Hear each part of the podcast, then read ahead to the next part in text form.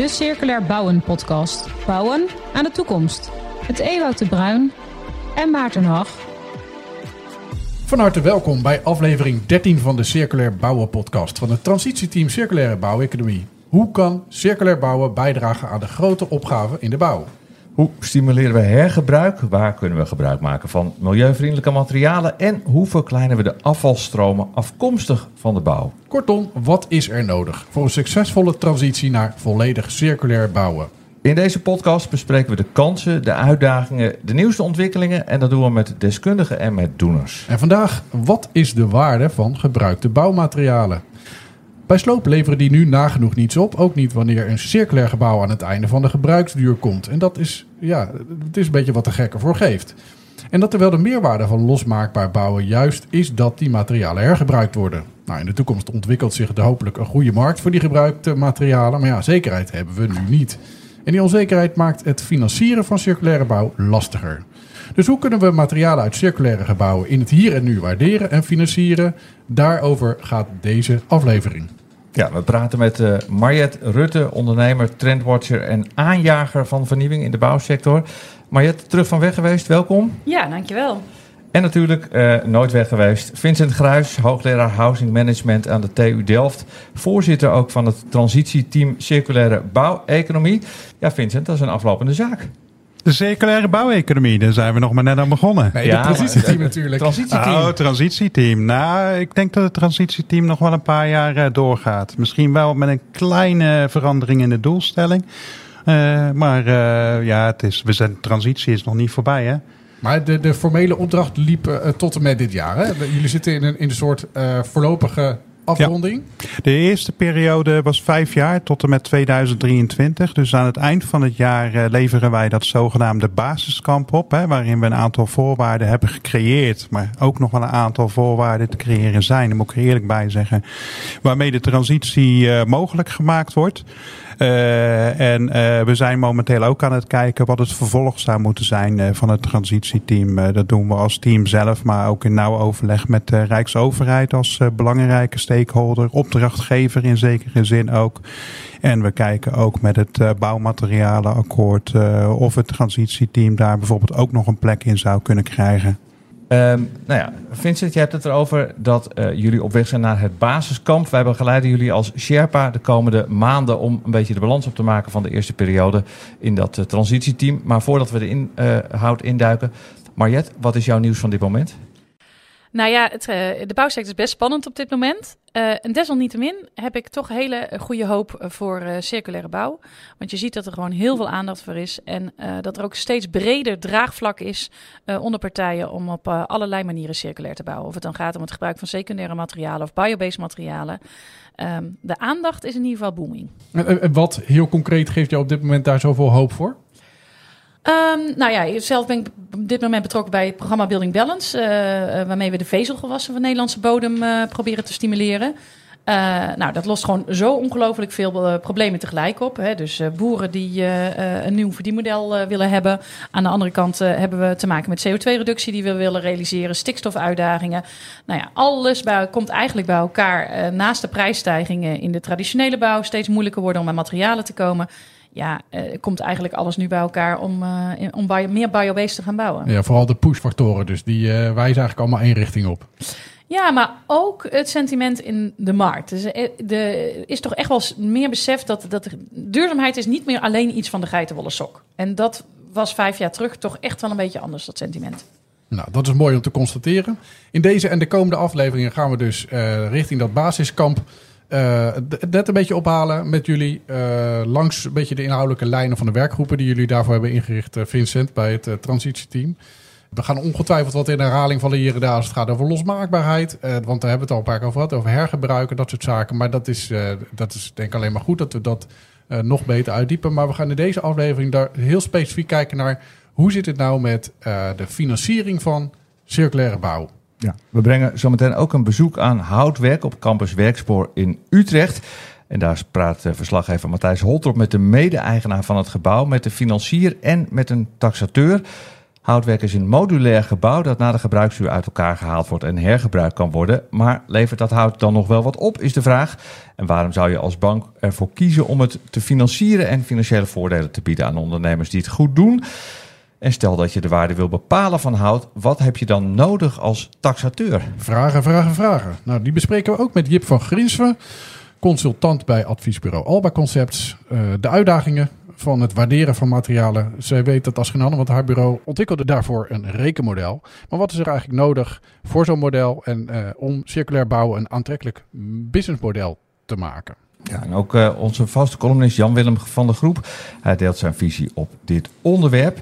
Maar laten we die inhoud eens even induiken. Uh, Vincent, waarom is het nou zo belangrijk om goed te kunnen inschatten wat materialen van een circulair gebouw waard zijn aan het einde van de gebruiksduur? Ja, het, zit hem eigenlijk in het woord circulaire bouweconomie. Je hebt de circulariteit en dan komen inderdaad die termen als losmaakbaarheid, hergebruik weer om de hoek kijken. Maar er zit ook een economische kant aan. En een, een circulariteit in onze maatschappij gaat pas draaien als die economie ook gaat werken. En dat betekent dat bijvoorbeeld materialen ook bij hergebruik uh, nog een waarde hebben. dus dat, ze, uh, ja, dat mensen ervoor willen betalen, dat ze gefinancierd kunnen worden. En natuurlijk weer een goede functie kunnen krijgen in een uh, vernieuwd gebouw. En, en, hoe hangt dat dan samen met het financieren, hè, wat een bank in de regel doet bij, bij een bouwwerk? Ja. Ja, waarom is het nodig voor zo'n bank om te weten wat materialen over, laten we zeggen, 80 jaar nog waard zijn. Ja, dat komt omdat vastgoedfinanciering eigenlijk ook altijd gebeurt met een lange termijn perspectief. Hè?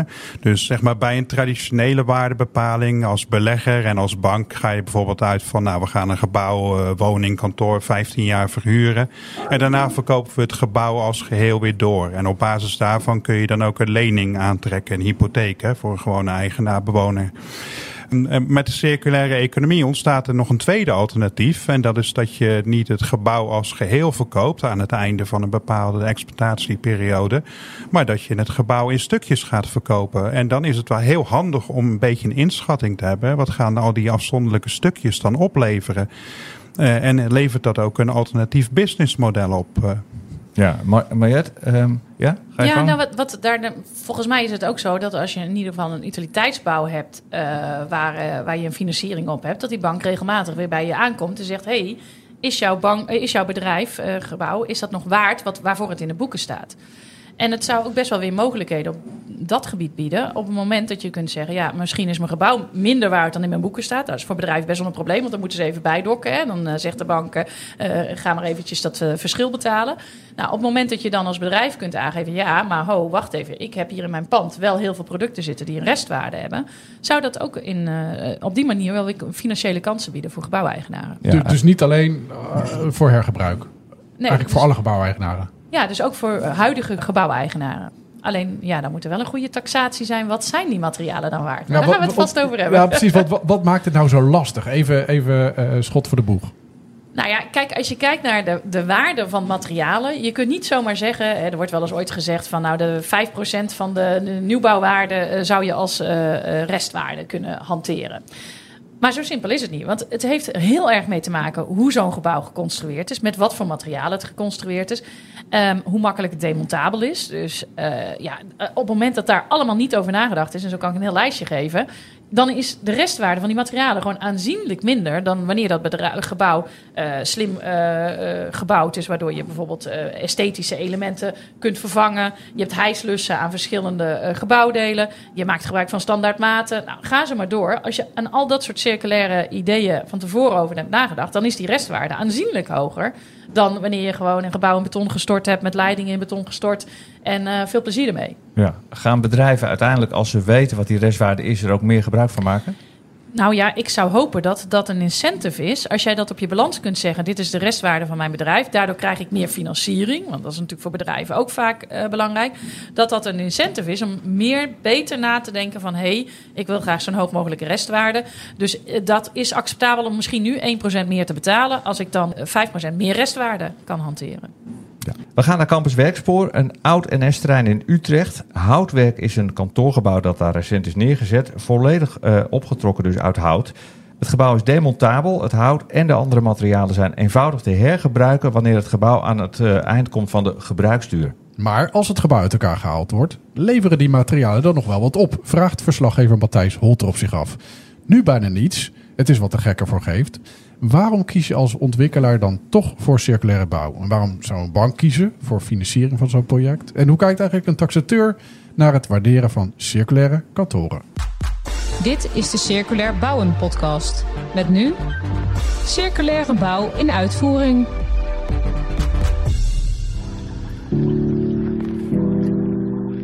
Het gebouw heeft drie bouwlagen en boven elke verdieping heeft hij daken die een beetje overhangen. En zo krijg je een soort galerijen. Heerlijk als je tijdens het werk even op het balkon wil gaan staan, de frisse neus wil gaan halen.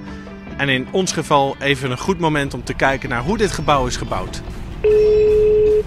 Goedemiddag. Hoi, goeiedag. Je spreekt met Bob. Uh, ik sprak net Herbert en wij mochten even een podcast opnemen op jullie dakterras. Bob Jansen is de ontwikkelaar van dit gebouw. Ja, mogen binnenkomen? Dit is een, uh, een industrieterrein. Wat uh, vroeger voor, voor zware industrie was, uh, veel logistiek. Ja. Omdat de vrachtwagens dat moeilijker kunnen bereiken, zijn die weggetrokken. En is de creatieve industrie is, naar deze plek gekomen. Creatieve industrie en heel veel IT-bedrijven. Ik zie heel veel naambordjes bij de ingang. Ja, het zijn bedrijfsverzamelgebouwen dit allemaal. Dus wat kleinere bedrijven tot ongeveer 500 vierkante meter, die zitten hier. Alle buitendaken die zijn allemaal van hout. Aan de binnenkant ook? Is alles hout? Alles is hout. Dus de kolommen, de liftschachten, alles is hout, behalve de fundering. Hè. Die, die is van beton. De trappen zijn bestaande trappen. Stalen trappen zoals we horen. Dit is in ieder geval geen hout. Kijk, hier zie je meteen uh, waarom dit kantoor zo geliefd is. Hè. Alle kantoren hebben een buitenruimte. En wij denken dat dat ook prettig is voor de werknemers. Dat het hier zo lekker werken is, komt door het gebruik van natuurlijke materialen. En dat ruik je ook. Het voelt echt anders dan een betonnen kolos uit de jaren 70 of 80. Een houtgebouw is niks nieuws. Hè? 3000 jaar geleden werden er ook al houten gebouwen gemaakt. Sterker nog, in Japan het oudste gebouw is van hout. Dus ze vergaan ook niet zo snel. Als je in de Alpen aan skiën bent en je ziet zo'n uh, schuurtje staan. Dus nou ja, eigenlijk 99 van 100 keer is het een houten gebouwtje. Omdat dat juist veel beter blijft staan dan een betonnen of een, uh, een gemetseld gebouwtje. Het innovatieve nu is dat we met CLT werken. En dat zijn een soort prefab platen waar het uh, van gebouwd wordt. Wat is dat precies? En dat is uh, multiplex, maar dan nog veel dikker. dus het zijn allemaal kleine stukjes hout die gepuzzeld gelegd zijn. Het is ook niet het beste deel van de boom die daarvoor gebruikt wordt. Het beste deel wordt gebruikt voor de balken. En dit zijn de randen van de boom. Maar omdat ze kruislijks uh, uh, gelamineerd zijn of gelijmd zijn, wordt het heel stijf. Dus het is innovatief, maar het is niet onbekend. Het is wel opvallend hoeveel er van hout is in dit kantoorgebouw. De vergadertafel lijkt wel van heel licht eiken- of vurenhout. De stoelen, krukjes, van hout. De bar, ook van hout. Een keukentje, van hout. De muren, van hout. Plafond, van hout. De vloer, van hout. Je merkt het als je binnenkomt, denk ik, dat het toch wat koeler aanvoelt. Milo Schepens is adviseur van de Rabobank. Wat maakt dit gebouw anders voor de bank dan een betonnen kantoorgebouw? Hoe kijk je er dan naar? Dan zou ik zeggen, ik kijk er eerst door van wil je hier als huurder eigenlijk zitten? En als daar het antwoord ja op is, dan is de kans ook groter dat het verhuurd wordt eigenlijk en ook verhuurd blijft. En dan valt het financieel meestal als puzzelstukjes ook wel goed. Dus ook de financieel expert kijkt een beetje als consument? Zo zou je het kunnen zeggen, ja. Zoals je zelf denk ik ook ervaart, is dat mensen eigenlijk heel graag in een houten gebouw willen uh, werken of leven. Maar dat is geen blanco cheque? Zeker niet. Daar moeten heel veel mensen voor worden overtuigd, denk ik. En hoe gaat dat? Vallen en opstaan is dat proces. Maar je hebt ook uh, ja, bepaalde vaandeldragers nodig. Die ergens een paar stappen vooruit maken en die je dus ook kan volgen. Nou is dit een relatief nieuwe manier van uh, bouwen, uh, circulair. Wat betekent dat voor de bank? Eigenlijk weten we heel stiekem dat we daar naartoe moeten. Je ziet grondstofprijzen stijgen. Dus vanuit duurzaamheidsoogpunt is er denk ik ook een goede engel om hiermee door te gaan. Wat ons met name nekt, denk ik, is nog een beetje de onbekendheid ermee. Aan welke kant? Is dat uh, aan de bankenkant of ook in de markt? Ik denk allemaal. ook volgens vastgoedtaxateur Miguela Calverla zijn de voorlopers in de markt de partijen die een stap extra zetten zonder dat dat moet. Als we kijken naar de kantorenmarkt in Nederland, eh, dan lopen we eigenlijk nog een beetje achter qua regelgeving. We zijn heel erg bezig met duurzaamheid, maar we stellen eigenlijk een verplichting van energielabel C. Nou, willen we de Parijsdoelstellingen halen, uh, moeten we toch meer gaan nadenken over circulariteit. Uh, en er zijn een aantal ontwikkelaars, beleggers die daarop uh, vooruit lopen en de stap durven te zetten door circulair te bouwen. Als we kijken naar die materialen, het hout vergaat op een dag weer. Dat moet je toch ook meerekenen in de beoordeling van zo'n plan. Hoe doe je dat? Ja, we nemen natuurlijk altijd wel gewoon onze onderhoudskosten mee in, in de exploitatie. En verder kijken we wel heel erg naar transacties vanuit het verleden. Waar worden kantoorganden voor verkocht? Nou ja, we, we, kijken dus dan wel ook meer naar traditionele gebouwen. Waar we wel aangeven of hoe we dit gebouw zien ten opzichte van andere gebouwen. wat de pluspunten zijn en wat de minpunten zijn. En daarnaast geven we gewoon in ons taxatierapport kritisch weer dat, dat er een nieuw soort bouwstijl is. Dat er nog niet heel veel data voorhanden is. Ja, dat, dat je wel een soort van schattingonzekerheid hebt. Het is een relatief nieuw product waar de taxateur natuurlijk naar kijkt, is de economische waarde van wat het nu is. Als het heel goed verhuurd wordt, en inderdaad, dit gebouw werd vrij snel verhuurd, dan is het kennelijk, ligt het lekker in de markt en dan zou het wel meer waard zijn. Maar over 20 jaar weet je dat natuurlijk niet. Wat je wel weet, is welke materialen in het gebouw zitten. En dan is de vraag, als je wat iets anders met het gebouw wil doen, is hout dan meer waard dan beton of staal? Zeg het maar. Nou ja, voor mij is het uh, overduidelijk dat hout natuurlijk veel meer waard is. Want hout heeft heel veel andere toepassingsmogelijkheden. Een, een gebouw is eigenlijk een verzameling van materialen. Dat is, dat is feitelijk de waarde. En het heeft natuurlijk even een economische waarde, maar uiteindelijk heeft het een grondstofwaarde.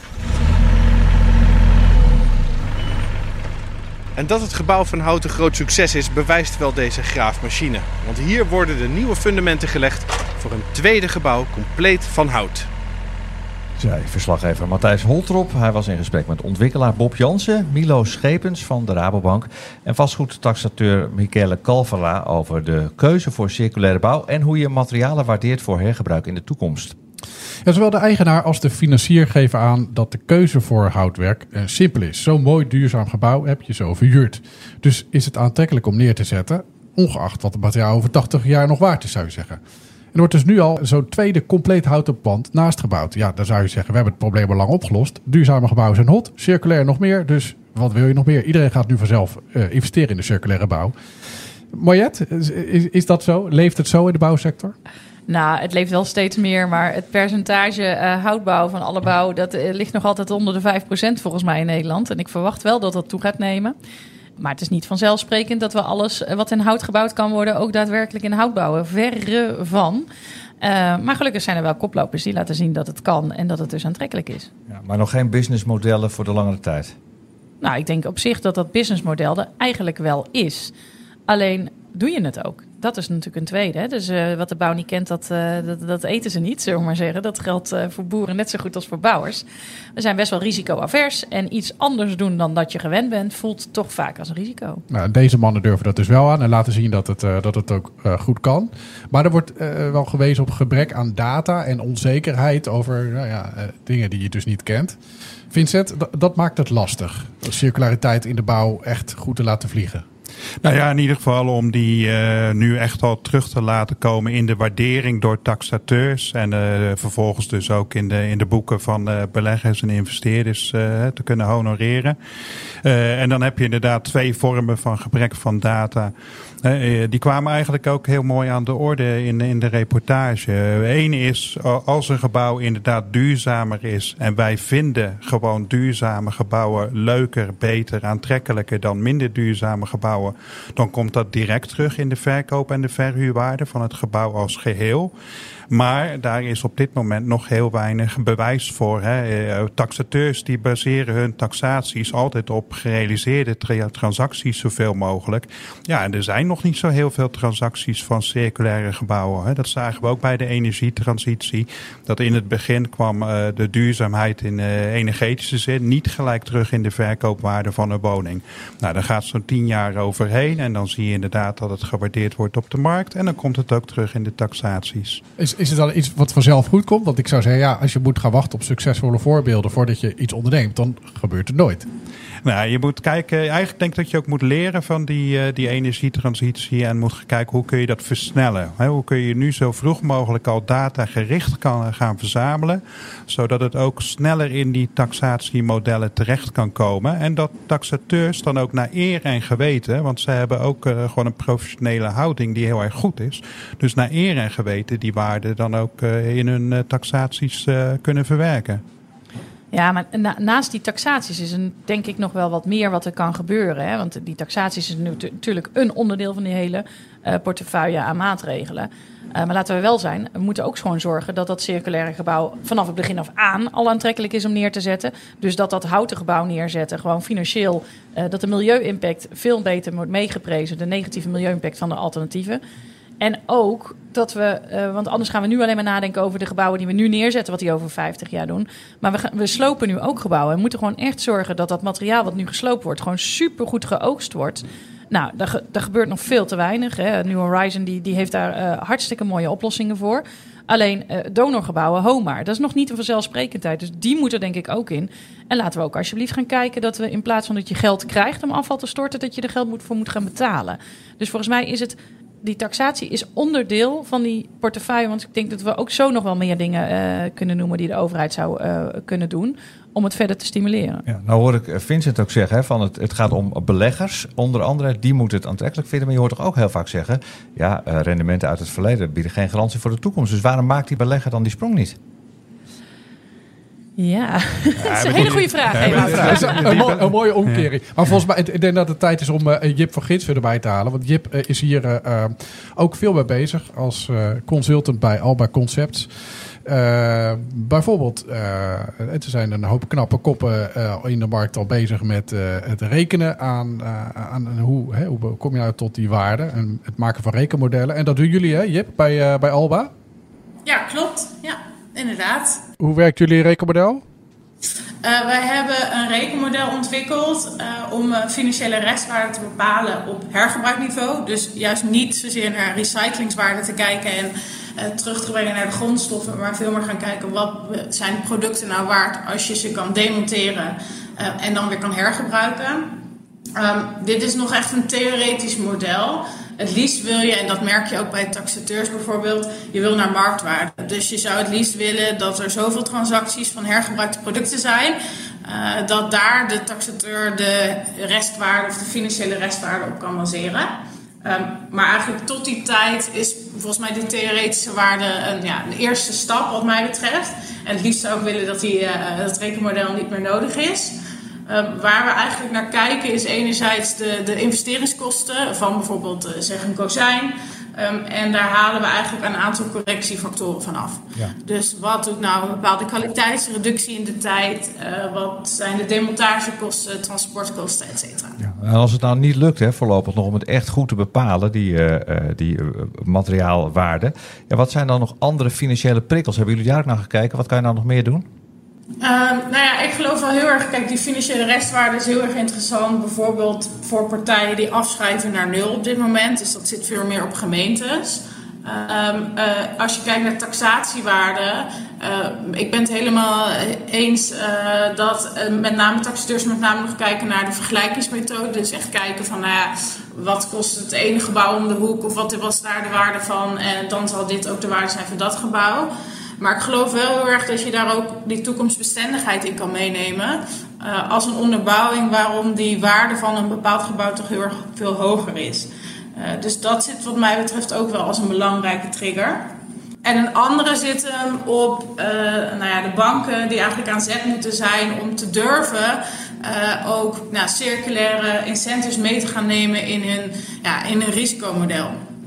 Dus uh, circulariteit zou minder risico met zich meebrengen. Dus waarom uh, zorg je dan niet dat het een, nou, een verlaging van je rente, van je rente uh, daaraan gekoppeld is? dat zijn ook wel belangrijke incentives wat mij betreft. Ja, interessante gedachte, Mariette. Nou ja, wat ik wel leuk vind, ik eh, zat uh, onderweg hierheen een podcast te luisteren. En toen had een taxateur het over hoopwaarde. Dat ging in dit geval over uh, wanneer je een bestemming hebt, bijvoorbeeld een, kantoorgebouw. En je denkt, nou misschien kan er in de toekomst wel woningbouw komen. Dan hanteer je ook een soort van ja, wat je verwacht als marktwaarde. En dat noemde die hoopwaarde. Toen dacht ik, oh, dat zou je voor circulariteit natuurlijk ook best kunnen gebruiken. Dat je toch zo'n soort van onderbuikgevoel hebt van ja, dit, dit zou meer waard kunnen worden. En we weten misschien niet precies tot op de komma hoeveel. We hebben er misschien geen rekenmodel voor. Maar we kunnen het wel meenemen. Ja, wat, wat kun je nog eens uitleggen? Je, waarom loop je minder risico met circulaire bouw? Uh, nou ja, ik denk uh, grondstofschaarste is een belangrijk, uh, belangrijk thema. juist gaan investeren in producten die je kan hergebruiken in de toekomst. en die je dus in de cyclus kan houden, is, is natuurlijk heel erg aantrekkelijk. het zit ook op flexibiliteit. Dus een gebouw makkelijk kunnen aanpassen naar andere functies, et cetera. dus er zijn meerdere redenen, denk ik, wat mij betreft, waarom circulariteit ja, in die zin ook toekomstbestendigheid is. Ja, beleggers die geven dat nu eigenlijk ook aan als uh, belangrijkste denkrichting, want beleid is het nog niet, uh, om circulariteit uh, anders te gaan waarderen. En dat zit hem dan niet zozeer in dat ze een hoger rendement verwachten, maar inderdaad een lager risico. En daardoor kunnen ze een lagere ja. rendementseis accepteren en gaat de waarde omhoog. En daarnaast is het ook zo dat je, net als met de, de, de energetische duurzaamheid, dat je het op een gegeven moment gewoon in de governance van onze beleggingsinstellingen kunnen, zult gaan terugzien. Dat er gewoon geëist wordt dat als we investeren als uh, nou, een bepaalde pensioenmaatschappij bijvoorbeeld, dat we dan investeren in energetisch duurzame en ook circulaire gebouwen. Nou ja, dat gaat ook een stimulerende werking hebben dan op de transactiewaarde van dat soort objecten. Als ik, als ik jullie dan zo hoor, denk ik, ja, het is eigenlijk vooral over de hele breedte gewoon een andere manier van denken. Gewoon uh, uh, de bladzijde durven omslaan. Moeten we dan echt nog op, de, op niveau van materialen die waarde gaan willen bepalen? Of is dat eigenlijk veel te, een veel te ingewikkelde tussenstap? Ik denk dat dat scenario vooral interessant wordt op het moment dat je gaat twijfelen of je een gebouw nog wel wilt blijven gebruiken op de manier waarop het nu in elkaar gezet is en op de plek waarop het nu staat.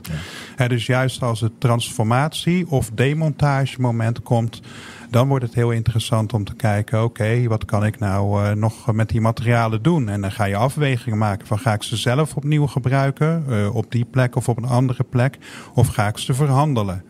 En uh, ja, dan is het toch weer een kwestie van uh, taxeren. Maar dan uh, is het voor het doel van de investeringsbeslissing die op dat moment volgt. Ja, hier nou ben ik een tijd geleden voor een reportage een keer aan de loskade geweest. Die wijk in Groningen, waar die, die mooie circulaire wijk van Van Wijnen, waar die prefab huizen gebouwd zijn. Is dat nou een van die projecten waarbij je heel goed kunt monitoren wat die producten nu allemaal nog waard zijn aan het eind van de rit?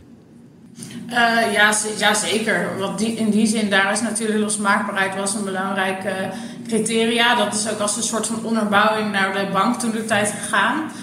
Um, en uh, dat is denk ik wel een belangrijke om te laten zien van hé, hey, wat is nou echt die restwaarde? Um, ook omdat het, en dat is denk ik ook wel een interessante, een tijdelijke locatie is. Dus vooral bijvoorbeeld bij flexwonen, wat je nu steeds meer vaak ziet terugkomen, waar juist die business case soms heel lastig is, is juist die restwaarde heel erg interessant. Uh, want die gebouwen hebben een hoge restwaarde doordat ze enerzijds wel zaken zijn gemaakt uh, en vaak hopelijk ook op een goede kwaliteit uh, zijn gerealiseerd. Ja, en, en een van de andere oplossingen is misschien dat banken veel meer biobased hypotheken gaan geven. Ja, ja, dat is natuurlijk wel een heel erg uh, incentive. Nou, je hebt het voorbeeld uh, van de Triodos waar die Biowaste hypotheek is uh, gelanceerd. En je ziet wel, en dat vind ik wel mooi, dat langzaamaan banken ook zien van... hé, hey, moeten we hiermee ook niet aan de slag gaan en hoe gaan wij het dan beoordelen? het lastige blijft wel, nou ja, zo'n hypotheekproces is redelijk geautomatiseerd. Um, dus in die zin willen ze natuurlijk ook zo... Ja, hoeveel meer tijd ze aan een hypotheekverstrekker kwijt zijn... Uh, hoe meer dat kost. Uh, dus je wil het ook zo efficiënt mogelijk doen. Ja, maar volgens mij zijn er zeker al mogelijkheden om te realiseren. Ja. Nou, wat en dan even naar Vincent. Wellicht wel interessant is dat uh, de, de TU Eindhoven is samen met de meisingenieurs ook onderzoek hier aan bezig om te kijken van oké, okay, hoe zou je nou die restwaarde eigenlijk kunnen taxeren en wat voor modellen eh, zouden banken daarin ook kunnen gebruiken. Dus eh, nou, ik denk dat dat ook wel weer meer handvatten biedt. Ja, is dat een goede methode ook, Vincent? Want jij hebt het ook over van we moeten voor het milieu en hè, de, de grondstoffen van de aarde. Maar ja, die financiële prikkel moeten we daar toch ook niet naar gaan kijken om die springplank te gaan eh, creëren? Ja, zeker. eh, Nogmaals, we willen naar een eh, circulaire bouweconomie en daarboven hangt nog de circulaire economie. En dat betekent dat je het ook in de, in de financiële kant eh, moet gaan eh, vertalen. Maar dan heb je het wel breder dan alleen hè, de taxatieproblematiek, waar we natuurlijk vandaag heel erg op focussen. Dan heb je het ook over nou ja, de CO2-tax, dat soort dingen. Ja, de- precies. Want je kunt ook natuurlijk in plaats van de wortel de stok hanteren. Precies, en je hebt het eh, beide nodig eh, waarschijnlijk. Eh, en dan kom je wel natuurlijk op de echte systeemverandering die het vervolgens ook weer zo ingewikkeld maakt. Hè. Dan is eh, eigenlijk dit taxatieprobleem in één keer weer eh, de eenvoudige kant. Want ja, wil je bijvoorbeeld als Nederland daarmee beginnen, kan dat überhaupt in de Europese context? Wordt dat toegelaten? Wat betekent dat voor de concurrentiepositie van ons land dan en voor de werkgelegenheid en allerlei sociale problematiek die daardoor wellicht ook kan gaan ontstaan? Dus dat, dat, dat, dat moet eerst even heel goed uitgezocht worden voordat je daar als land, denk ik, knopen over door gaat hakken. Ik, ik hoor het al. gaan ze in de EU Vol- niet leuk vinden. Nou, vol- volgens mij is dit gewoon een sollicitatie van Vincent naar eh, nog, een, eh, nog heel veel meer jaren erbij voor het transitieteam. Want er is nog genoeg eh, om uit te zoeken. Jip, intussen tot slot, jij zit ook in dat trans- transitieteam als, als consultant van Alba. eh, en denkt vooral na nu over, over dit, dit vraagstuk financieren. Maar wat drijft jou om hier zoveel energie en tijd in te stoppen? Om eh, ja, in, een, in een markt die eh, nou ja, toch nog wel een beetje koud watervrees heeft? Eh, nou ja, eh, wat Vincent net al zei, wat mij betreft focussen we best wel heel erg op dat circulariteitsbegrip en wat minder op de economische kant. En ik geloof dat als, natuurlijk, het is niet morgen allemaal geregeld, maar ik geloof wel dat het een, echt een belangrijke incentive kan zijn om echt te gaan versnellen, want dat is gewoon keihard nodig. Ehm, en dan zijn gewoon mooie voorbeelden. Bijvoorbeeld eh, vorige week heeft de gemeente Leeuwarden als eerste gemeente eigenlijk in een financiële verordening opgenomen dat circulaire gebouwen een bepaalde restwaarde krijgen. Nou, dat soort voorbeelden drijven we wel om gewoon door te gaan en eh, te zorgen dat dat bij meer gemeentes komt, dat banken ook aan de slag gaan, eh et cetera. Goed voorbeeld doet goed volgen. Dat is, dat is wat we nodig hebben. Precies. Oké, Ja. dankjewel Jip Ja, voor jouw zeker. bijdrage. En eh, succes eh, de komende maanden nog Graag. met, eh, met jullie werkgroep. Ja, we gaan naar eh, Jan Willem van de groep. Hij is onze vaste columnist. Altijd goed voor een dwarse mening. Hoe kijkt hij nou naar het waarderen van materialen voor de verre toekomst? Dit is de Circulair Bouwen podcast. Met nu Circulair Bouwen volgens Jan Willem. Hoe rekenen we ons rijk aan een ongewisse toekomst? Het is de heilige graal voor circulair bouwen. De toekomstwaarde van herbruikbare bouwdelen en materialen. Het doet me erg denken aan een zoektocht die we hadden rondom de vermeende meerkosten van gasloos bouwen tussen 2010 en 2015. Ook toen moest er plotseling in total cost of ownership gerekend worden. En ook toen was toekomstwaarde het toverwoord. Toen ik destijds riep dat gasloos bouwen in 2020 de norm zou zijn, keken de meeste mensen mij wat meewarig aan. Al in 2018 nam het kabinet een besluit. Gasloos werd de norm. Nu hebben we het opnieuw over een nog niet volwassen markt die nog niet kan concurreren met de gangbare bouwpraktijk. Door allerhande opportunistische beloftes over toekomstige waarden wordt de indruk gewekt dat circulair en duurzaam bouwen iets bijzonders is. En dat dat vraagt om een heel nieuwe financieringspraktijk. Maar dat het duurder is, komt gewoon omdat het nu nog niet de norm is. Dat verandert snel. We leiden onze jongens en meisjes op om te ontwerpen met de toekomst in gedachten. Daarmee is het een kwestie van tijd dat het toepassen van circulaire principes de norm wordt. Belangrijker dan circulair ontwerp zijn trouwens de materialen waarmee we bouwen. Een niet losmaakbare constructie van hout draagt meer bij aan klimaatdoelen dan een betonnen constructie die helemaal uit elkaar kan worden gehaald. Voor wat betreft de eisen aan toegepaste materialen, zoals een lage milieu- en klimaatimpact, die de komende jaren op ons afkomen, gaat de overheid sowieso harder dan de banken.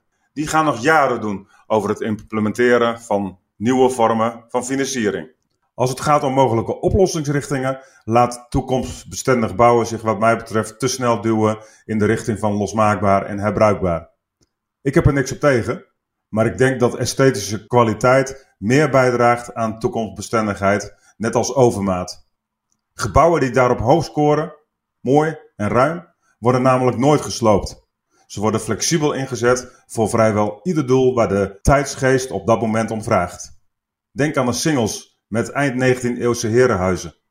Binnen een paar decennia kunnen die gebouwen zomaar switchen van woning naar advocatenkantoor naar studentenhuisvesting.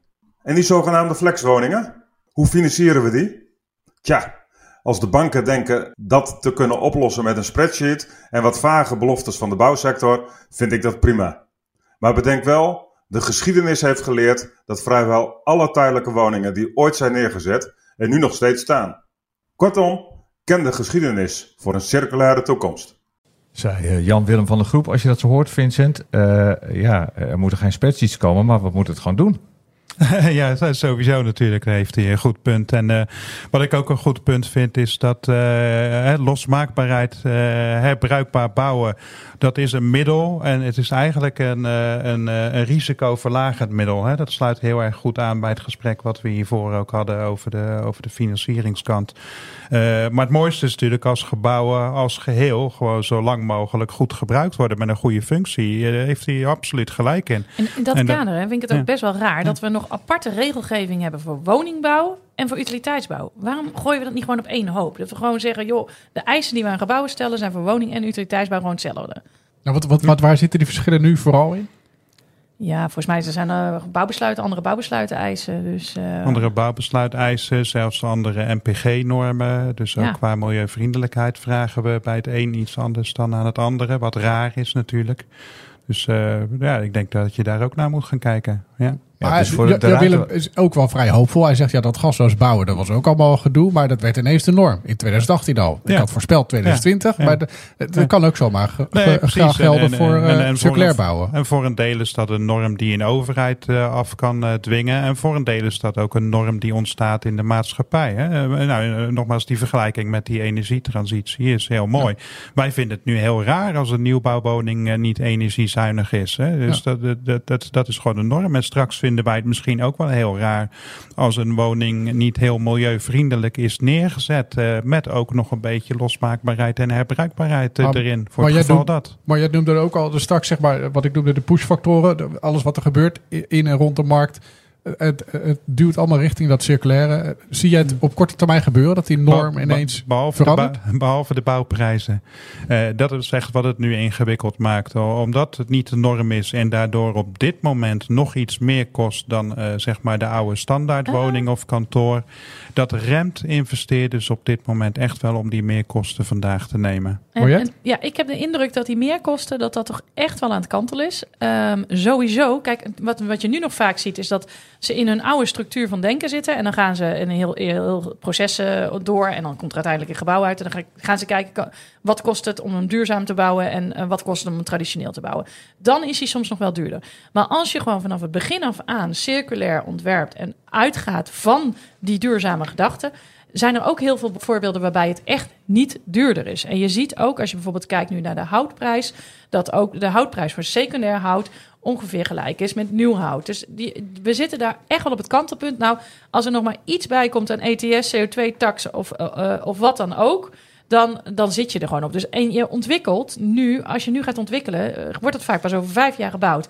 Nou, als je uitgaat van de bouwprijzen over vijf jaar, dan denk ik dat je niet duurder uit bent met duurzaam bouwen. Dus ik denk dat we daar ook anders moeten gaan nemen. Daar- heb je absoluut ook een punt. Hè. Juist doordat alles nu duurder wordt, komen die prijzen van eh, niet circulair en circulair ook dichter bij elkaar te liggen. En Dat, dat leidt ook weer tot een omslagpunt. Ja. Tot slot nog even het- stokpaardje van je Willem, eh, eh, maar niet onterecht. De biobased materialen. Hè? Dus eh, hij zegt, we moeten niet zoveel energie stoppen in, in nadenken over waarde over 80 jaar. Gewoon stop ermee. Eh, ga gewoon eh biobased materialen gebruiken. Veel belangrijker. Eens? Eh, ik denk dat het wat te simpel gedacht is. Eh, het gaat er ook wel vanuit van de veronderstelling dat je alles maar met biobased materialen kunt, eh, kunt bouwen. Als ik bijvoorbeeld nu kijk naar projecten waarbij kantoorgebouwen uit elkaar worden gehaald, waarin heel veel kanaalplaten en betonnen geveldelen zitten, die opnieuw, opnieuw ook weer hergebruikt worden, ja, dan denk ik dat dat ook een hele goede manier is om te voorkomen dat we bijvoorbeeld weer nieuw beton moeten gaan produceren. Ja, maar dan ga je Ja. dus nu uit van het gebruiken van secundaire materialen. Dan zeg ik eens. Maar wat je natuurlijk heel veel in de markt ziet, hè, de, de circulaire koekjes, die zijn al eerder ooit langsgekomen. Dat ze nu een hele hoge uitstoot eigenlijk goed praten door te zeggen, ja, maar het is over 50 of over 70 jaar is het te hergebruiken. En we weten wel, we hebben nu een CO2-probleem. Hè? Zoals het er nu naar uitziet, nou ja, afhankelijk van welke specia- eh, eh, wetenschappen je, je, je eh, hanteert. Maar of we zitten nu al op de anderhalve graad, of we zitten binnen vijf jaar op de anderhalve graad. Maar we gaan dat in ieder geval niet eh, voorkomen. Dus we weten welke problemen we nu hebben. Dus laten we dan zeker ook nadenken over oplossingen die dat probleem van nu oplossen. Eh, en we weten niet of we over 50 jaar wat voor uitdagingen we dan als maatschappij hebben. Dus in zoverre ben ik het wel met Jan Willem eens. Dat wil niet zeggen dat je eh, helemaal niet moet nadenken over losmaakbaarheid. Laten we daar vooral ook over nadenken. Maar ook echt de uitstoot nu als heel belangrijk item meenemen. Waarvan akte. Eh, af, afrondend, we hebben veel goede voorbeelden nodig. Eh, eh, een paar keer gezegd ook in, de, in deze aflevering van succesvolle voorbeelden. Dat, dat krijgt de boel gaande. In de volgende aflevering gaan we naar zo'n mooi voorbeeld kijken. Ik, kijk er al naar uit. Het Zuiderstrandtheater ken ik nu misschien. Dat wordt afgebroken momenteel en dat wordt in, in Os krijgt het een nieuw leven. Nou, ik ben heel benieuwd wat dat voorbeeld ook weer gaat doen in de markt. Ehm, voor nu eh, zit het er eh, op voor, eh, voor deze aflevering. Ja, dit was aflevering 13 van de Circulaire Bouw podcast van het transitieteam Circulaire Bouweconomie. Meer informatie en inspiratie vind je op circulairebouweconomie.nl slash podcast. En, daar, vind je ook alle... Ja, ook alle andere Ja. afleveringen van deze podcast natuurlijk. Waarin we onder meer ingaan op ook bijvoorbeeld circulair wegmeubilair. Houtbouw en eh, losmaakbaarheid. Daar zoomen we eh, dieper op in. Ja, dank aan de gasten in deze uitzending. Jip van Grinsen, consultant bij adviesbureau Alba Concepts. Vincent Gruis, hoogleraar en voorzitter van het transitieteam Circulaire Bouweconomie. En Marja Rutte, onze ondernemer, trendwatcher, aanjager en ook nog de dwarsdenker natuurlijk. Jan Willem van de groep. Bob Jansen, Milo Schepens en Michele Calverla. Die bedanken we ook. In redactie en productie van deze podcast in handen van Lene Communicatie. Je kunt je abonneren op de podcast in je favoriete podcast app, dan mis je helemaal niks.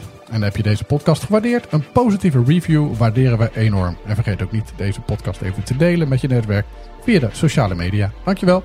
Dag.